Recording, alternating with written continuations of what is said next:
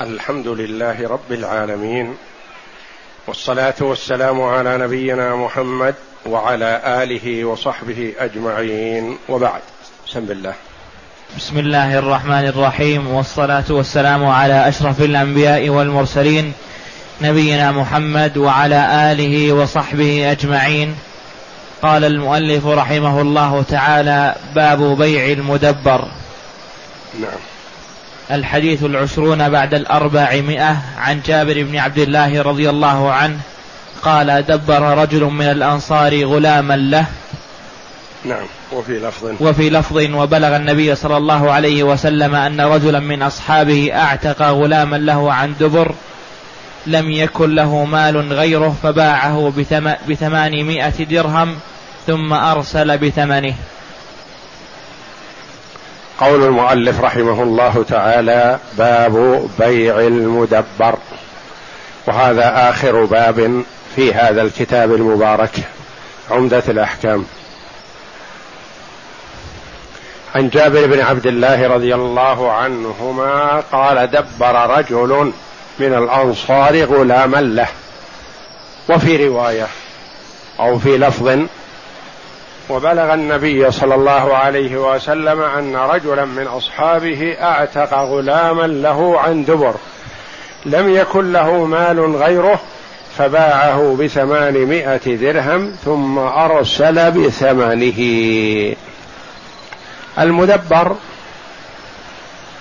هو رقيق أعتقه صاحبه عند مماته يعني عن دبره. والدبر هو الآخر. بخلاف القبل. والدبر يعني آخر شيء في الدنيا. قصده.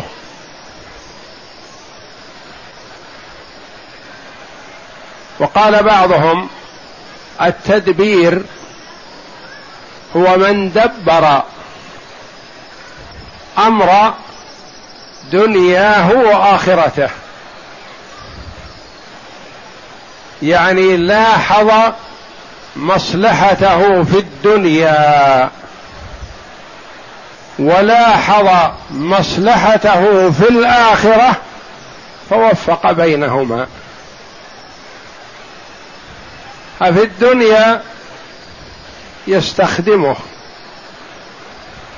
وينتفع به. وفي الآخرة أعتقه بين يديه. من التدبير أو من الدبر. الدبر الآخر يعني آخر دنياه أعتقه. وهذا هو الأقرب. وهو الذي مشى عليه كثير من العلماء. بعضهم قال إن هذا مأخوذ من تدبير أمور الدنيا والآخرة. يعني استفاد من غلامه في دنياه. ورغب الاستفادة منه في آخرته يكون حرا معتقا ينال فضيلة العتق.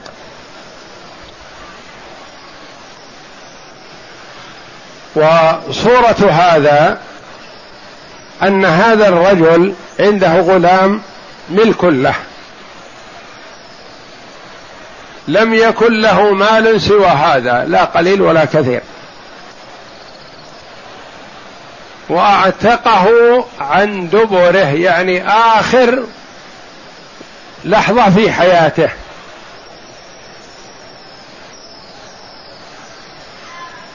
فعلم النبي صلى الله عليه وسلم فرأى أن هذا الرجل ما دام ما يملك غير هذا الغلام. وأنه في حاجة إلى النفقة. وأنه لو مات اليوم فلا يملك يعتق كل ما يملك. وإنما من حقه أن يعتق وأن يتصرف في الثلث.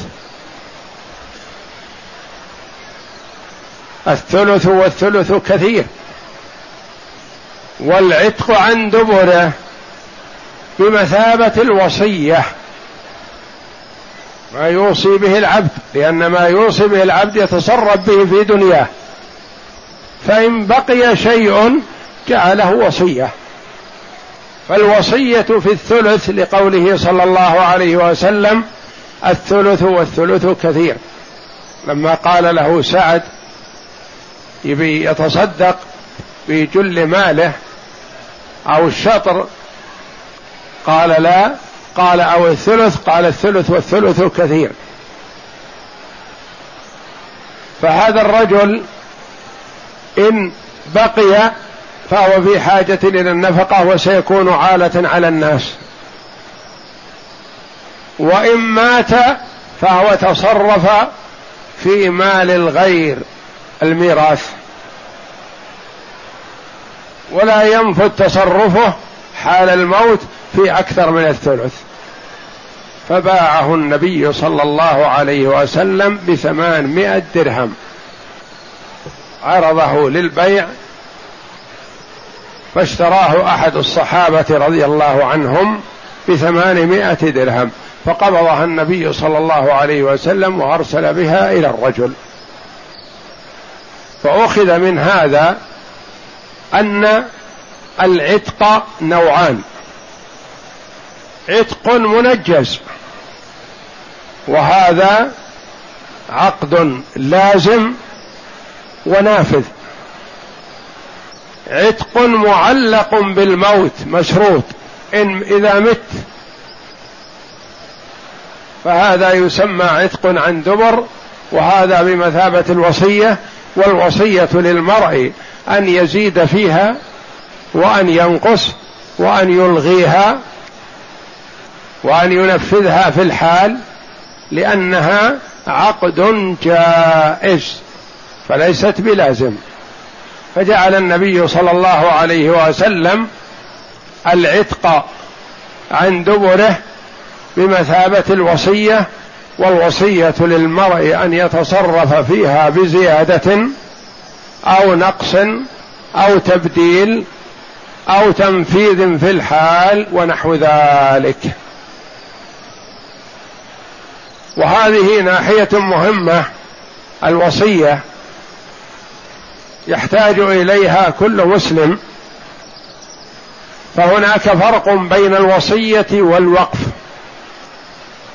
الوقف عقد لازم والوصية عقد جائز. ما الفرق بينهما؟ الوقف إذا أوقف الإنسان شيئا ما خرج من ملكه. وصار في ملك الله جل وعلا لا يتصرف فيه. صار كالمسجد ونحوه. فهو عقد لازم إذا نفذه المرء في حياته نفذ. الوصية عقد جائز ما دام في الحياة. فإذا مات ولم يلغها صارت عقد لازم نفذت. ولزمت الورثة بشرط أن تخرج من الثلث. رجل أوقف ارضا لتكون مسجد لتكون مدرسة لتكون رباط للفقراء لطلبة العلم. هذا عقد لازم. ما يعدل عن هذا ما دام وقف. ما صلحت مسجد ما صلحت كذا تنقل في مكان آخر ما يتصرف فيها هو. خرجت من ملكه. وصية وصى بهذه القطعة الأرض تكون كذا بعد مماته. من حقه يجوز له أن يبيعها وأن يهبها وأن يبني عليها مسكن ويلغي الوصية. فإذا مات وهي بحالها لزمت حينئذ. والمدبر جعل النبي صلى الله عليه وسلم حكمه حكم الوصية فباعه لما كان الرجل محتاج باعه وأرسل بثمنه إليه. ويؤخذ من هذا أن المرء إذا أراد أن يتصدق وهو في حاجة فهو أولى الناس بصدقته. ما دام في حاجة فهو أولى الناس بصدقته. هذا على سبيل العموم إلا إن كان عنده من اليقين والإيمان بالله والثقة به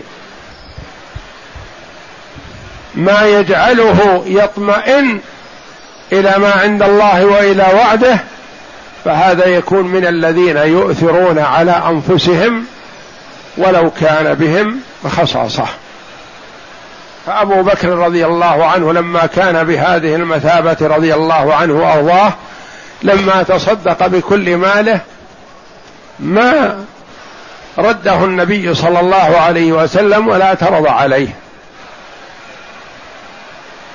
لكن هذا الرجل يختلف عن أبي بكر. لما تصدق بكل ما يملك وجعله عن دبره حرا عتيقا رد تصرفه صلى الله عليه وسلم وباع هذا الرقيق بما يساويه وأرسل بالثمن إليه لأنه في حاجة إليه. اختلف العلماء رحمهم الله في بيع المدبر. فبعض العلماء رد بيع المدبر وقال لا يجوز مطلقا. وهذا معارضة للحديث وكلامه مردود. ومن العلماء من أجاز بيع المدبر مطلقا. أخذ بهذا الحديث وأجاز بيع المدبر مطلقا. ومن العلماء رحمهم الله من توسط وقال إن كان هناك حاجة فيجوز بيعه وإن لم يكن هناك حاجة فهو اعتاق والإعتاق مأمور به شرعا فلا يجوز بيعه لغير حاجة وضرورة. ولعل هذا هو الأقرب والله أعلم لأن النبي صلى الله عليه وسلم حينما باع هذا الغلام جاء في الحديث أنه لا يملك غيره. والرجل في حاجة إلى النفقة فباعه النبي صلى الله عليه وسلم وأرسل بقيمته إليه. نعم. غريب الحديث. دبر بضم الدال المهملة وضم الباء الموحدة وهو نقيض الدال المهملة يعني غير المنقوطة. بالدال. لا وليست بالذال. لا. نعم. وضم الباء الموحدة. الموحدة يعني بنقطة واحدة وليست بنقطتين فتكون تاء أو ياء وإنما هي موحدة يعني بنقطة واحدة. نعم. وهو نقيض القبل. نقيض يعني مقابل القبل. من كل شيء والمراد هنا بعد موته. المعنى الإجمالي.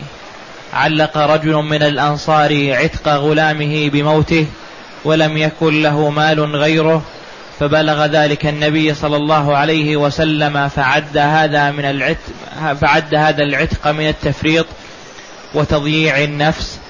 فرده وباع غلامه بثمانمائة درهم وأرسل بها إليه فإن قيامه بنفسه وأهله أولى له وأفضل من العتق. ولئلا يكون عالة على الناس.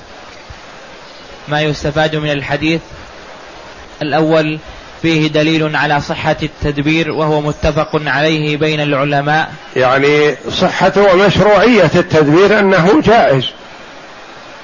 هذا لا إشكال فيه لأن النبي صلى الله عليه وسلم ما أنكر هذا الفعل وإنما أنكر تصرف الرجل.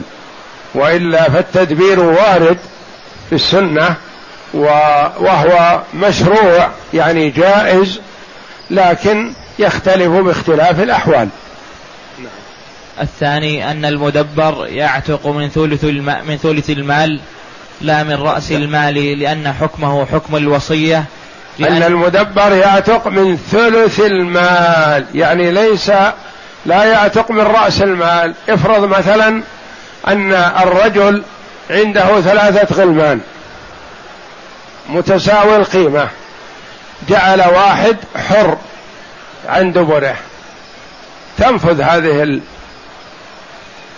الحرية ويكون حرا لأن عنده ثلاثة ودبر واحد فهو تصرف في الثلث. إذا كان عنده اثنان مثلا ودبر واحد فهل ينفذ؟ لا. ينفذ في الثلثين. ويبقى ثلث مع الغلام الآخر. ليبقى ثلثا ما يملك. ما عنده إلا غلام واحد وعنده نفقة. يختلف عن هذا الرجل الذي معنا. عنده غلام واحد وعنده نفقة له. فدبر هذا الغلام عن دبره فلا ينفذ التدبير هذا إلا في الثلث فقط. في ثلث الغلام ويبقى البقية رقيق للورثة. فإن كان هناك بقية في الثلث بقية يوجد ثلث مثلا من أموال أخرى فيشترى بقيته من هذا المال حتى يستغرق الثلث. وما زاد عن الثلث يرد ولا ينفذ إلا في الثلث فقط. نعم. أن المد... حكمه الثاني أن المدبر يعتق من ثلث من ثلث المال لا من رأس المال لأن حكمه حكم الوصية لأن كل منهما لا ينفذ إلا بعد الموت وهذا مذهب جمهور العلماء. أنه يعتبر مثل الوصية ولا ينفذ من رأس المال وإنما ينفذ بمقدار الثلث فقط. نعم. الثالث جواز بيع المدبر مطلقا للحاجة كالدين والنفقة. للحاجة كالدين والنفقة. نعم. بل وأجاز الشافعي وأحمد رحمه الله بيعه مطلقا للحاجة وغيرها استدلالا بهذا الحديث الذي أثبت بيعه في صوره من جزئي في صورته من جزئيات البيع فيكون عاما في كل الأحوال. وقياسا على الوصية التي يجوز الرجوع فيها. الرابع أن الأولى والأحسن لمن ليس عنده سعة سعة في الرزق أن يجعل ذلك لنفسه ولمن يعول فهم أولى من غيرهم ولا ينفقه في نوافل هذه العبادات من الصدقة والعتق ونحوها. أما الذي وسع الله عليه ورزقه فليحرص على اغتنام الفرص بالإنفاق في طرق الخير. قال تعالى وما تنفقوا من شيء تجدوه عند الله.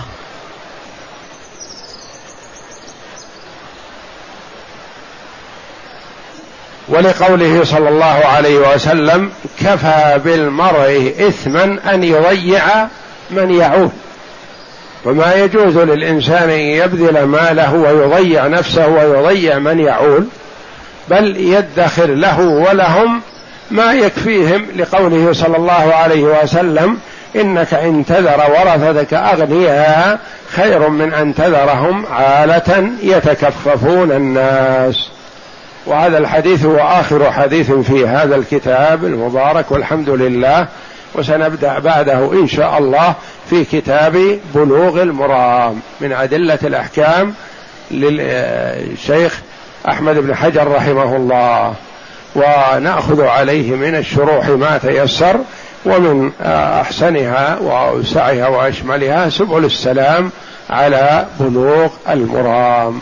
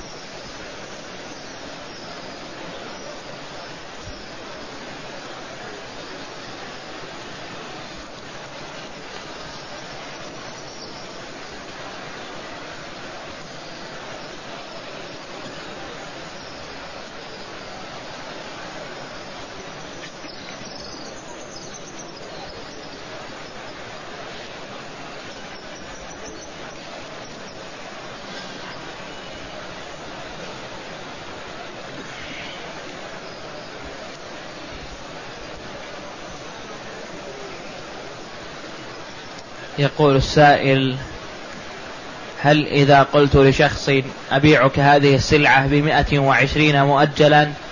وماذا إذا كان حالا أبيعك بمئة؟ هل يجوز ذلك؟ يجوز إذا اتفقتم على السعر حاضرا أو مؤجلا قبل التفرق. ولا يجوز أن تتفرقا ولم تجزما على أحد السعرين.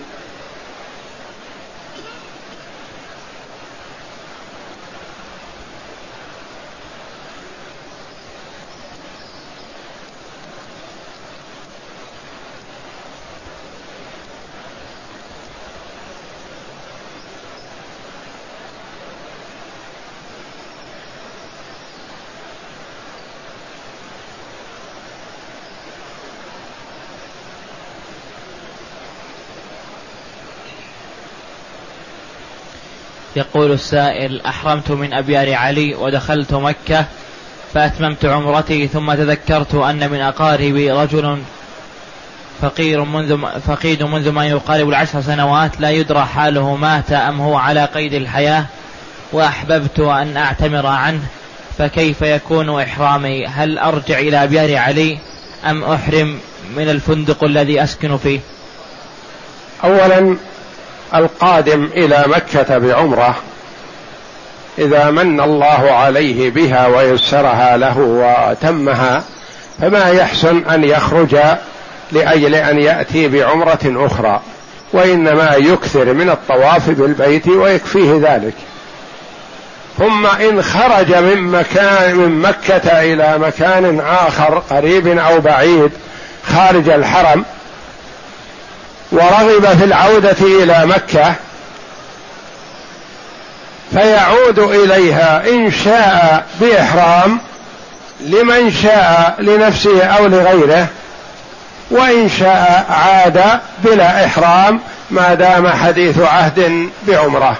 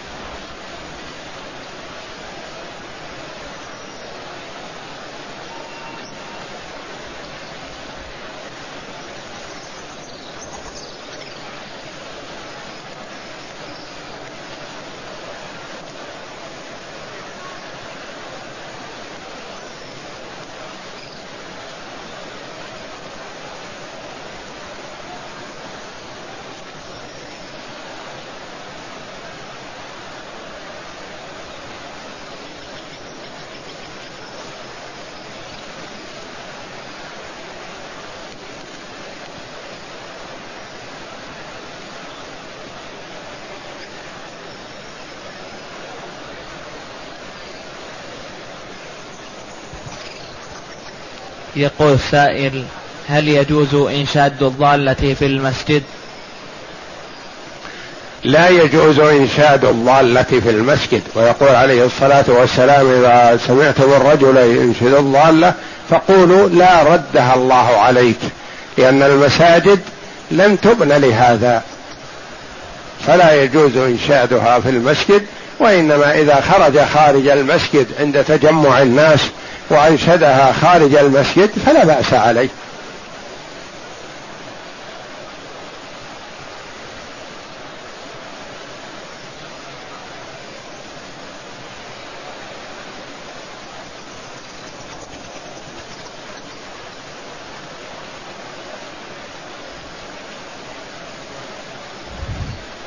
يقول السائل طواف الوداع في العمرة هل هو واجب أم مستحب؟ يرى بعضهم وجوبه وبعضهم يرى عدم الوجوب وعند الجميع فيما أعلم لا يلزم فيه هدي في تركه. إذا تركه فلا يلزم فيه شيء.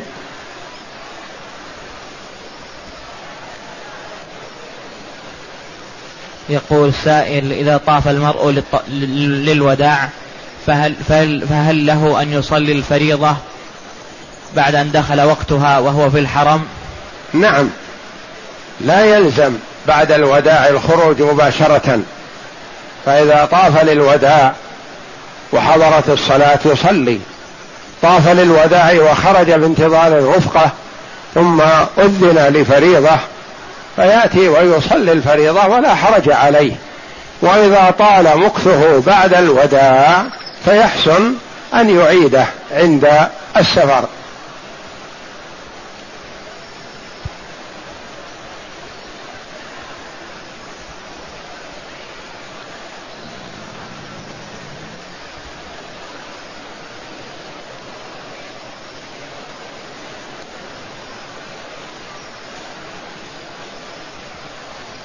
يقول إذا بتر عضو من انسان فهل يصلى عليه؟ الجواب لا ما يصلى على الإنسان إلا كامل. أما إذا بتر إذا تقطعت أعضاؤه مثلا وجد بعضها ولم يوجد بعض فيصلى على ما وجد. لكن ما دام صاحب هذا العضو حي فلا يصلى على العضو وإنما يدفن في مكان طاهر.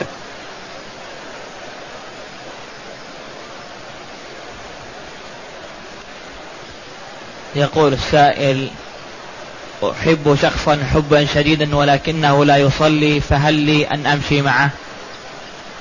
يجب عليك مناصحته لأن الصلاة هي الفارق بين المسلم والكافر.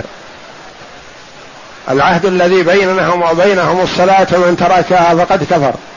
بين الرجل وبين الكفر أو الشرك ترك الصلاة.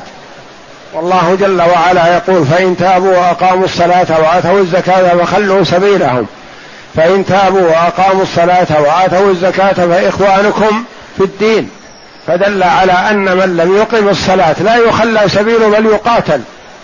وأن من ترك الصلاة فليس بأخ لنا في الدين. فلا يجوز للمرء أن يحبه وهو تارك لهذه الفريضة العظيمة. وإنما يناصحه فإن استجاب له فالحمد لله وإلا فيهجره. ولا يجوز له أن يحبه. لا تجد قوما يؤمنون بالله واليوم الآخر يوادون من حاد الله ورسوله ولو كانوا آباءهم أو أبناءهم أو إخوانهم أو عشيرتهم. فما يجوز للإنسان أن يحب الفاجر والكافر وإنما الفاسق ومن يعرفه يدعوه إلى الله جل وعلا. إن استجاب فالحمد لله وإلا فيجب عليه أن يهجره. الحب في الله والبغض في الله أوثق عرى الإيمان.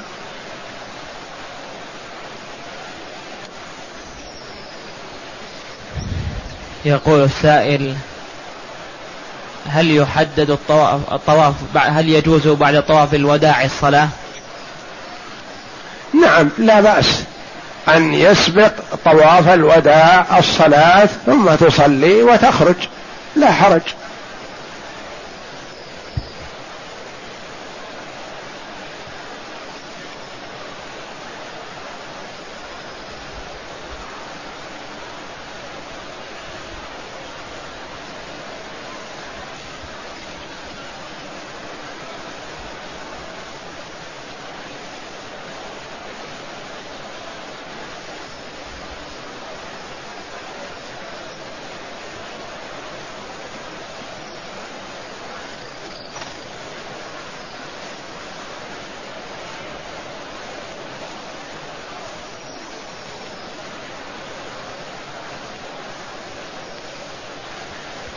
يقول السائل ما حكم الذي يقرأ جزءا من الفاتحة في الصلاة ويدعي أن أنه أدى الركن؟ وما وما حكم الذي يخل في الحركات التي في الفاتحة في الفاتحة؟ هذا لا يخلق.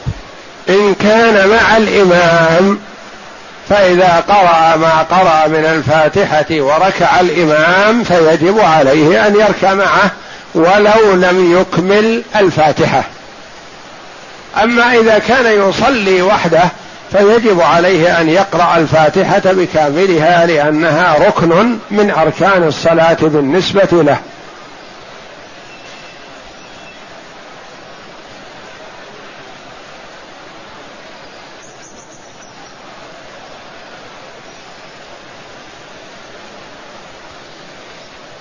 يقول سائل أريد أن أتي بعمرة لأبي المتوفى هل أنويها هنا؟ وأعملها أم أرجع إلى بلدي ثم أرجع مرة أخرى بعمرة. العمرة المشروعة هي التي يأتي بها الإنسان من خارج مكة إلى مكة. هذه العمرة. فإذا أداها في مكة فلا يحسن أن يخرج للحل ليأتي بعمرة أخرى وإنما إن سافر بعيدا أو قريبا ورغب في العودة إلى مكة مرة أخرى فيعود إليها بعمرة إن شاء عن نفسه أو عن أبيه أو عن من أحب.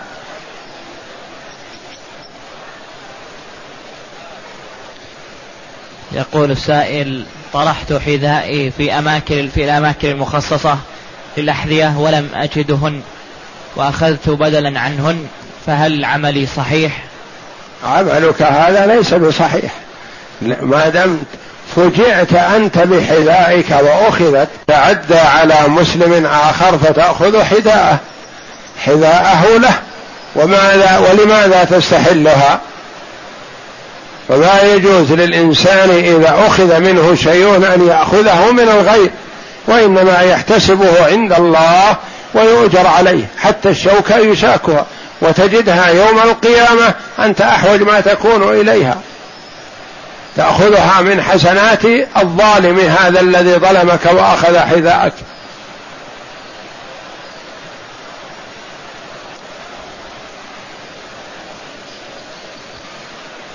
يقول السائل يقول السائل امرأة جاءها. جاءتها العادة الشهرية وانقضى وانقضى ثمانية أيام ولم يقف وهي معتمرة فماذا تفعل؟ هذا لا يخلو. إن كان الدم متواصل منتظم على شكل واحد فأيام الحيض قد تزيد فتجلسه وإن كان قد اختلف فالمرأة ينتابها كثير من الدماء ما يجوز لها أن تترك الصلاة إلا لدم الحيض ودم النفاس فقط. تترك الصلاة والصيام. وأما الدماء الأخرى دم الاستحاضة ودم الإجهاض وغيرها مثلا من الدماء هذه لا تترك لها الصلاة. وإنما دم الحيض ودم النفاس فقط. فإذا كان دمها متميز أوله دم حيض بين وآخره يختلف عن دم الحيض. فيجب عليها أن تغتسل وتصلي وتتخذ وقاية تمنع نزول الدم وتصلي وتطوف وتتعبد. وأما إذا كان متصل على شكل واحد فقد يجوز أنها زادت مدة حيضها فتجلسه.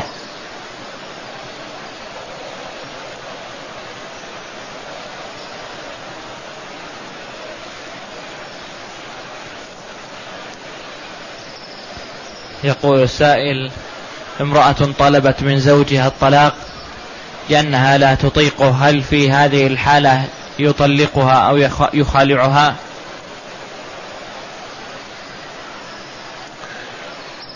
الفسخ والخلع على عوض والطلاق على عوض كذلك يعتبر طلاقا بائن بينونة صغرى.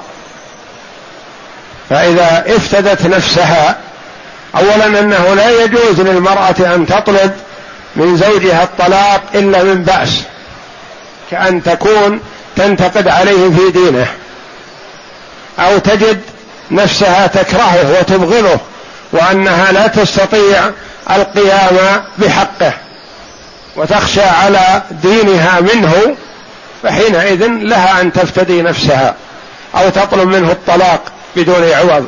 لقوله صلى الله عليه وسلم اي امرأة سألت زوجها الطلاق من غير ما بأس فحرام عليها رائحة الجنة.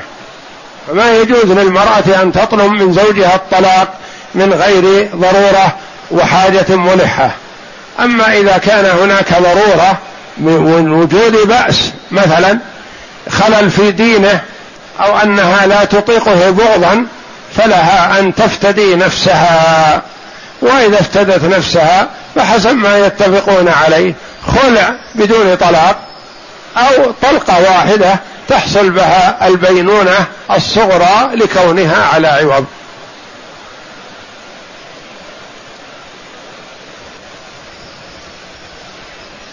يقول السائل أتممت العمرة كاملة ولكني نسيت أن أتحلل. ولبست الملابس العادية فهل تكتب لي عمرة أم لا؟ العمرة صحيحة وإذا كان لم يمضي وقت طويل فعليك أن تتحلل بالتقصير أو بالحلق. فإذا مضى وقت طويل أو جامع الرجل زوجته وجب عليه الهدي لجبر هذا النقص والعمرة صحيحة إن شاء الله.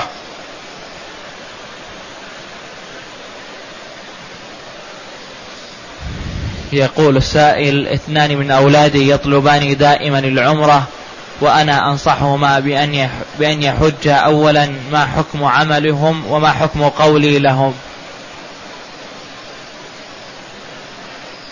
لا تمنعهما من العمرة حتى لو لم يحجا فيجوز للمرء أن يحج قبل أن يعتمر ويجوز له أن يعتمر قبل أن يحج.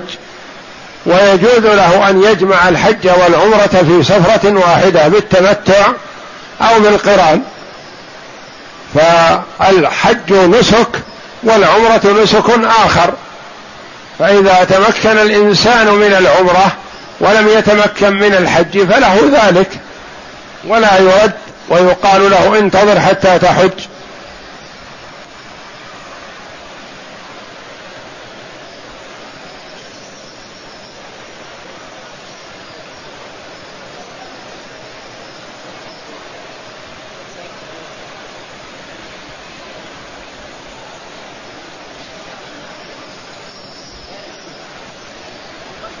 يقول السائل سألت البارحة عن الحج عن الميت وقلتم يكون من مال الميت. السؤال إذا كان الميت لا ما ليس له مال وإنما من مال الرجل الذي سيحج عنه. ما دام أن هذا المال متبرع به فمن أي مكان أحرم جاز لأن الحج حينئذ لا يجب على الميت. ما دام ما ترك مال فلا يجب عليه الحج. وما دام أن هذا الحج تبرع من شخص ما فيجوز أن يحرم به من مكة إذا كان هذا الحاج عنه من سكان مكة. فيحرم من مكة ولا بأس عليه.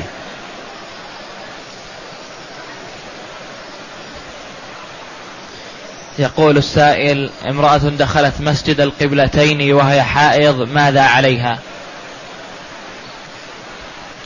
اولا نعرف أن مسجد القبلتين بالمدينة كسائر المساجد لا ميزة له وإنما في المدينة المستحب زيارة مسجد النبي صلى الله عليه وسلم وتشد له الرحال من قريب أو بعيد. ثم مسجد قباء يزوره من كان في المدينة ولا تشد له الرحال من بعيد. لو أن شخصا أراد أن يزور مسجد قبى من مكة قال أذهب لزيارة مسجد قبى نقول لا هذا لا يجوز. لا تشد الرحال إلا إلى ثلاثة مساجد المسجد الحرام ومسجد النبي صلى الله عليه وسلم والمسجد الأقصى. هذه الثلاثة تشد لها الرحال. لو قال امرؤ مثلا أريد أن أذهب من مكة أو من الطائف أو من أي بلد من بلدان العالم أزور مسجد قباء نقول لا لا يجوز لك ذلك. قال أريد أزور مسجد النبوي نقول خيرا فعلت إذا وصل إلى المدينة قال أريد أن أذهب إلى مسجد قباء نقول خيرا فعلت من المدينة تزور مسجد قباء. آخر يقول أريد أن أزور مسجد القبلتين. تطوعا. نقول لا يا أخي ما ورد في زيارته شيء خاص. أراد أن يدخله ليراه لا بأس عليه كأي مسجد من المساجد. لكن يتقرب إلى الله جل وعلا بزيارة مسجد القبلتين لا. ثم إن دخول المرأة الحائض لمسجد القبلتين أو لغيره من المساجد يجوز لها أن تدخل لكن لا تجلس فيه. تدخل المسجد الحرام لا بأس عليها. تدخل تناول رفقتها شيء أو تأخذ منهم شيئا أو تخبرهم بخبر أو تستخبر منهم شيئا ما لا بأس.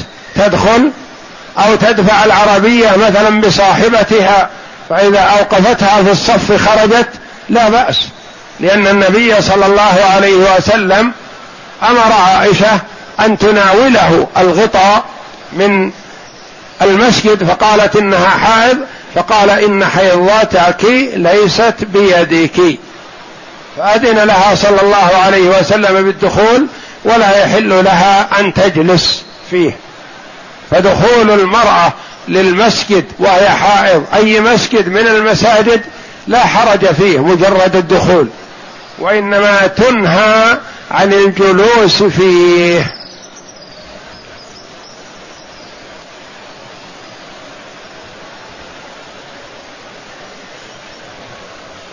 يقول السائل هل تجوز العمرة مرة ثانية من التنعيم بعد أداء العمرة الأولى؟ سبق الإجابة على هذا وتتكرر يوميا بأنه ما ينبغي للإنسان أن يكرر العمرة وقد أداها فإن خرج من مكة لغرض من الأغراض وعاد إلى مكة مرة أخرى فإن شاء عاد بعمرة فلا بأس عليه. لكن كونه يؤدي العمرة ثم يخرج إلى التنعيم ليأتي بعمرة أخرى ثم يخرج للتنعيم ليأتي بعمرة ثالثة هذا ما يحسن.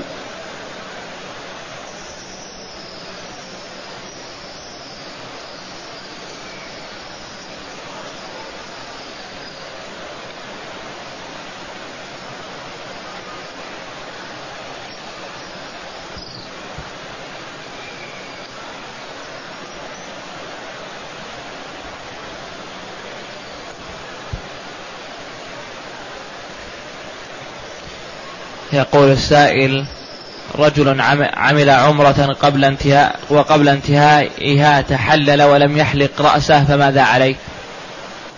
إن كان لم يفعل محظورا إنما أحرم بعمرة وأداها ولم يبقى عليه إلا الحلق أو التقصير فلم يحلق ولم يقصر وذهب وأحرم مرة أخرى ثم بعد عودته بعد إتمام العمرة الثانية حلق وقصر عن العمرتين فلا بأس عليه إن شاء الله لأن التحلل ليس له وقت محدد إذا لو أخره فلا بأس عليه.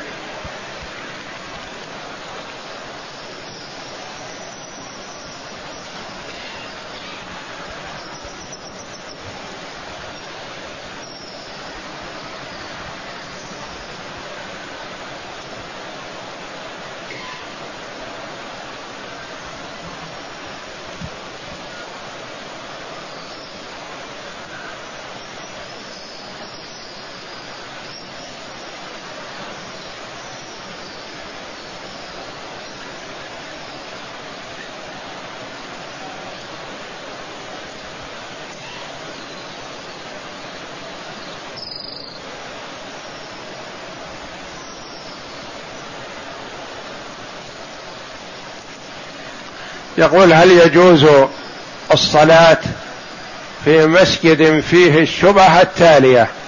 وجود قبر حاليا بجانب المسجد وأمامه. يقال أنه عند بناء المسجد الجديد تم نبش بعض القبور وتم إزالتها وبني المسجد مكانها. المسجد تم تسميته باسم ضريح الولي الموجود بجانب المسجد. هذه أمور اولا ينظر. إذا كانت القبور هذه بني المسجد عليها وهي باقية فلا تجوز الصلاة في هذا المسجد. وإذا كانت أزيلت القبور نهائيا وسويت الأرض وبني المسجد فالمسجد يصلى فيه حينئذ. ما دام أزيلت القبور من البقعة كأن يكون هذه البقعة هي أحسن موقع بالنسبة متوسط من البلد أو نحو ذلك فأزيلت القبور وبني المسجد في مكان خال من القبور فلا بأس بذلك. ولا يجوز تسمية المسجد باسم صاحب القبر أو مسجد قبر فلان أو كذا لأن هذا إحياء للشرك والتقرب إلى أصحاب القبور فلا يجوز هذا وإنما المساجد لله جل وعلا ويجوز أن ينسب المسجد إلى رجل ما كما جاء في حديث ابن عمر رضي الله عنه مسجد بني زريق مسجد بني سلمة مثلا فينسب المسجد إلى البيت أو القبيلة لكن ما يجوز أن ينسب إلى القبر.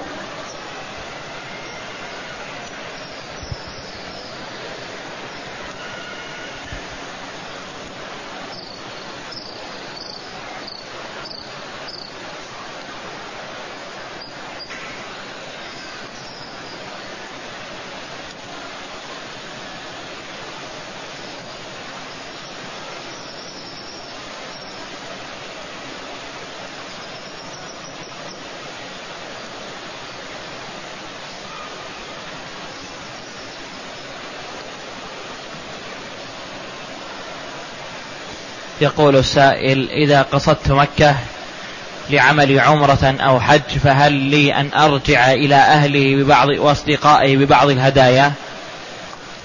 لا بأس حتى لو رجع بشيء ما للتجارة للربح والكسب ونحو ذلك فلا حرج.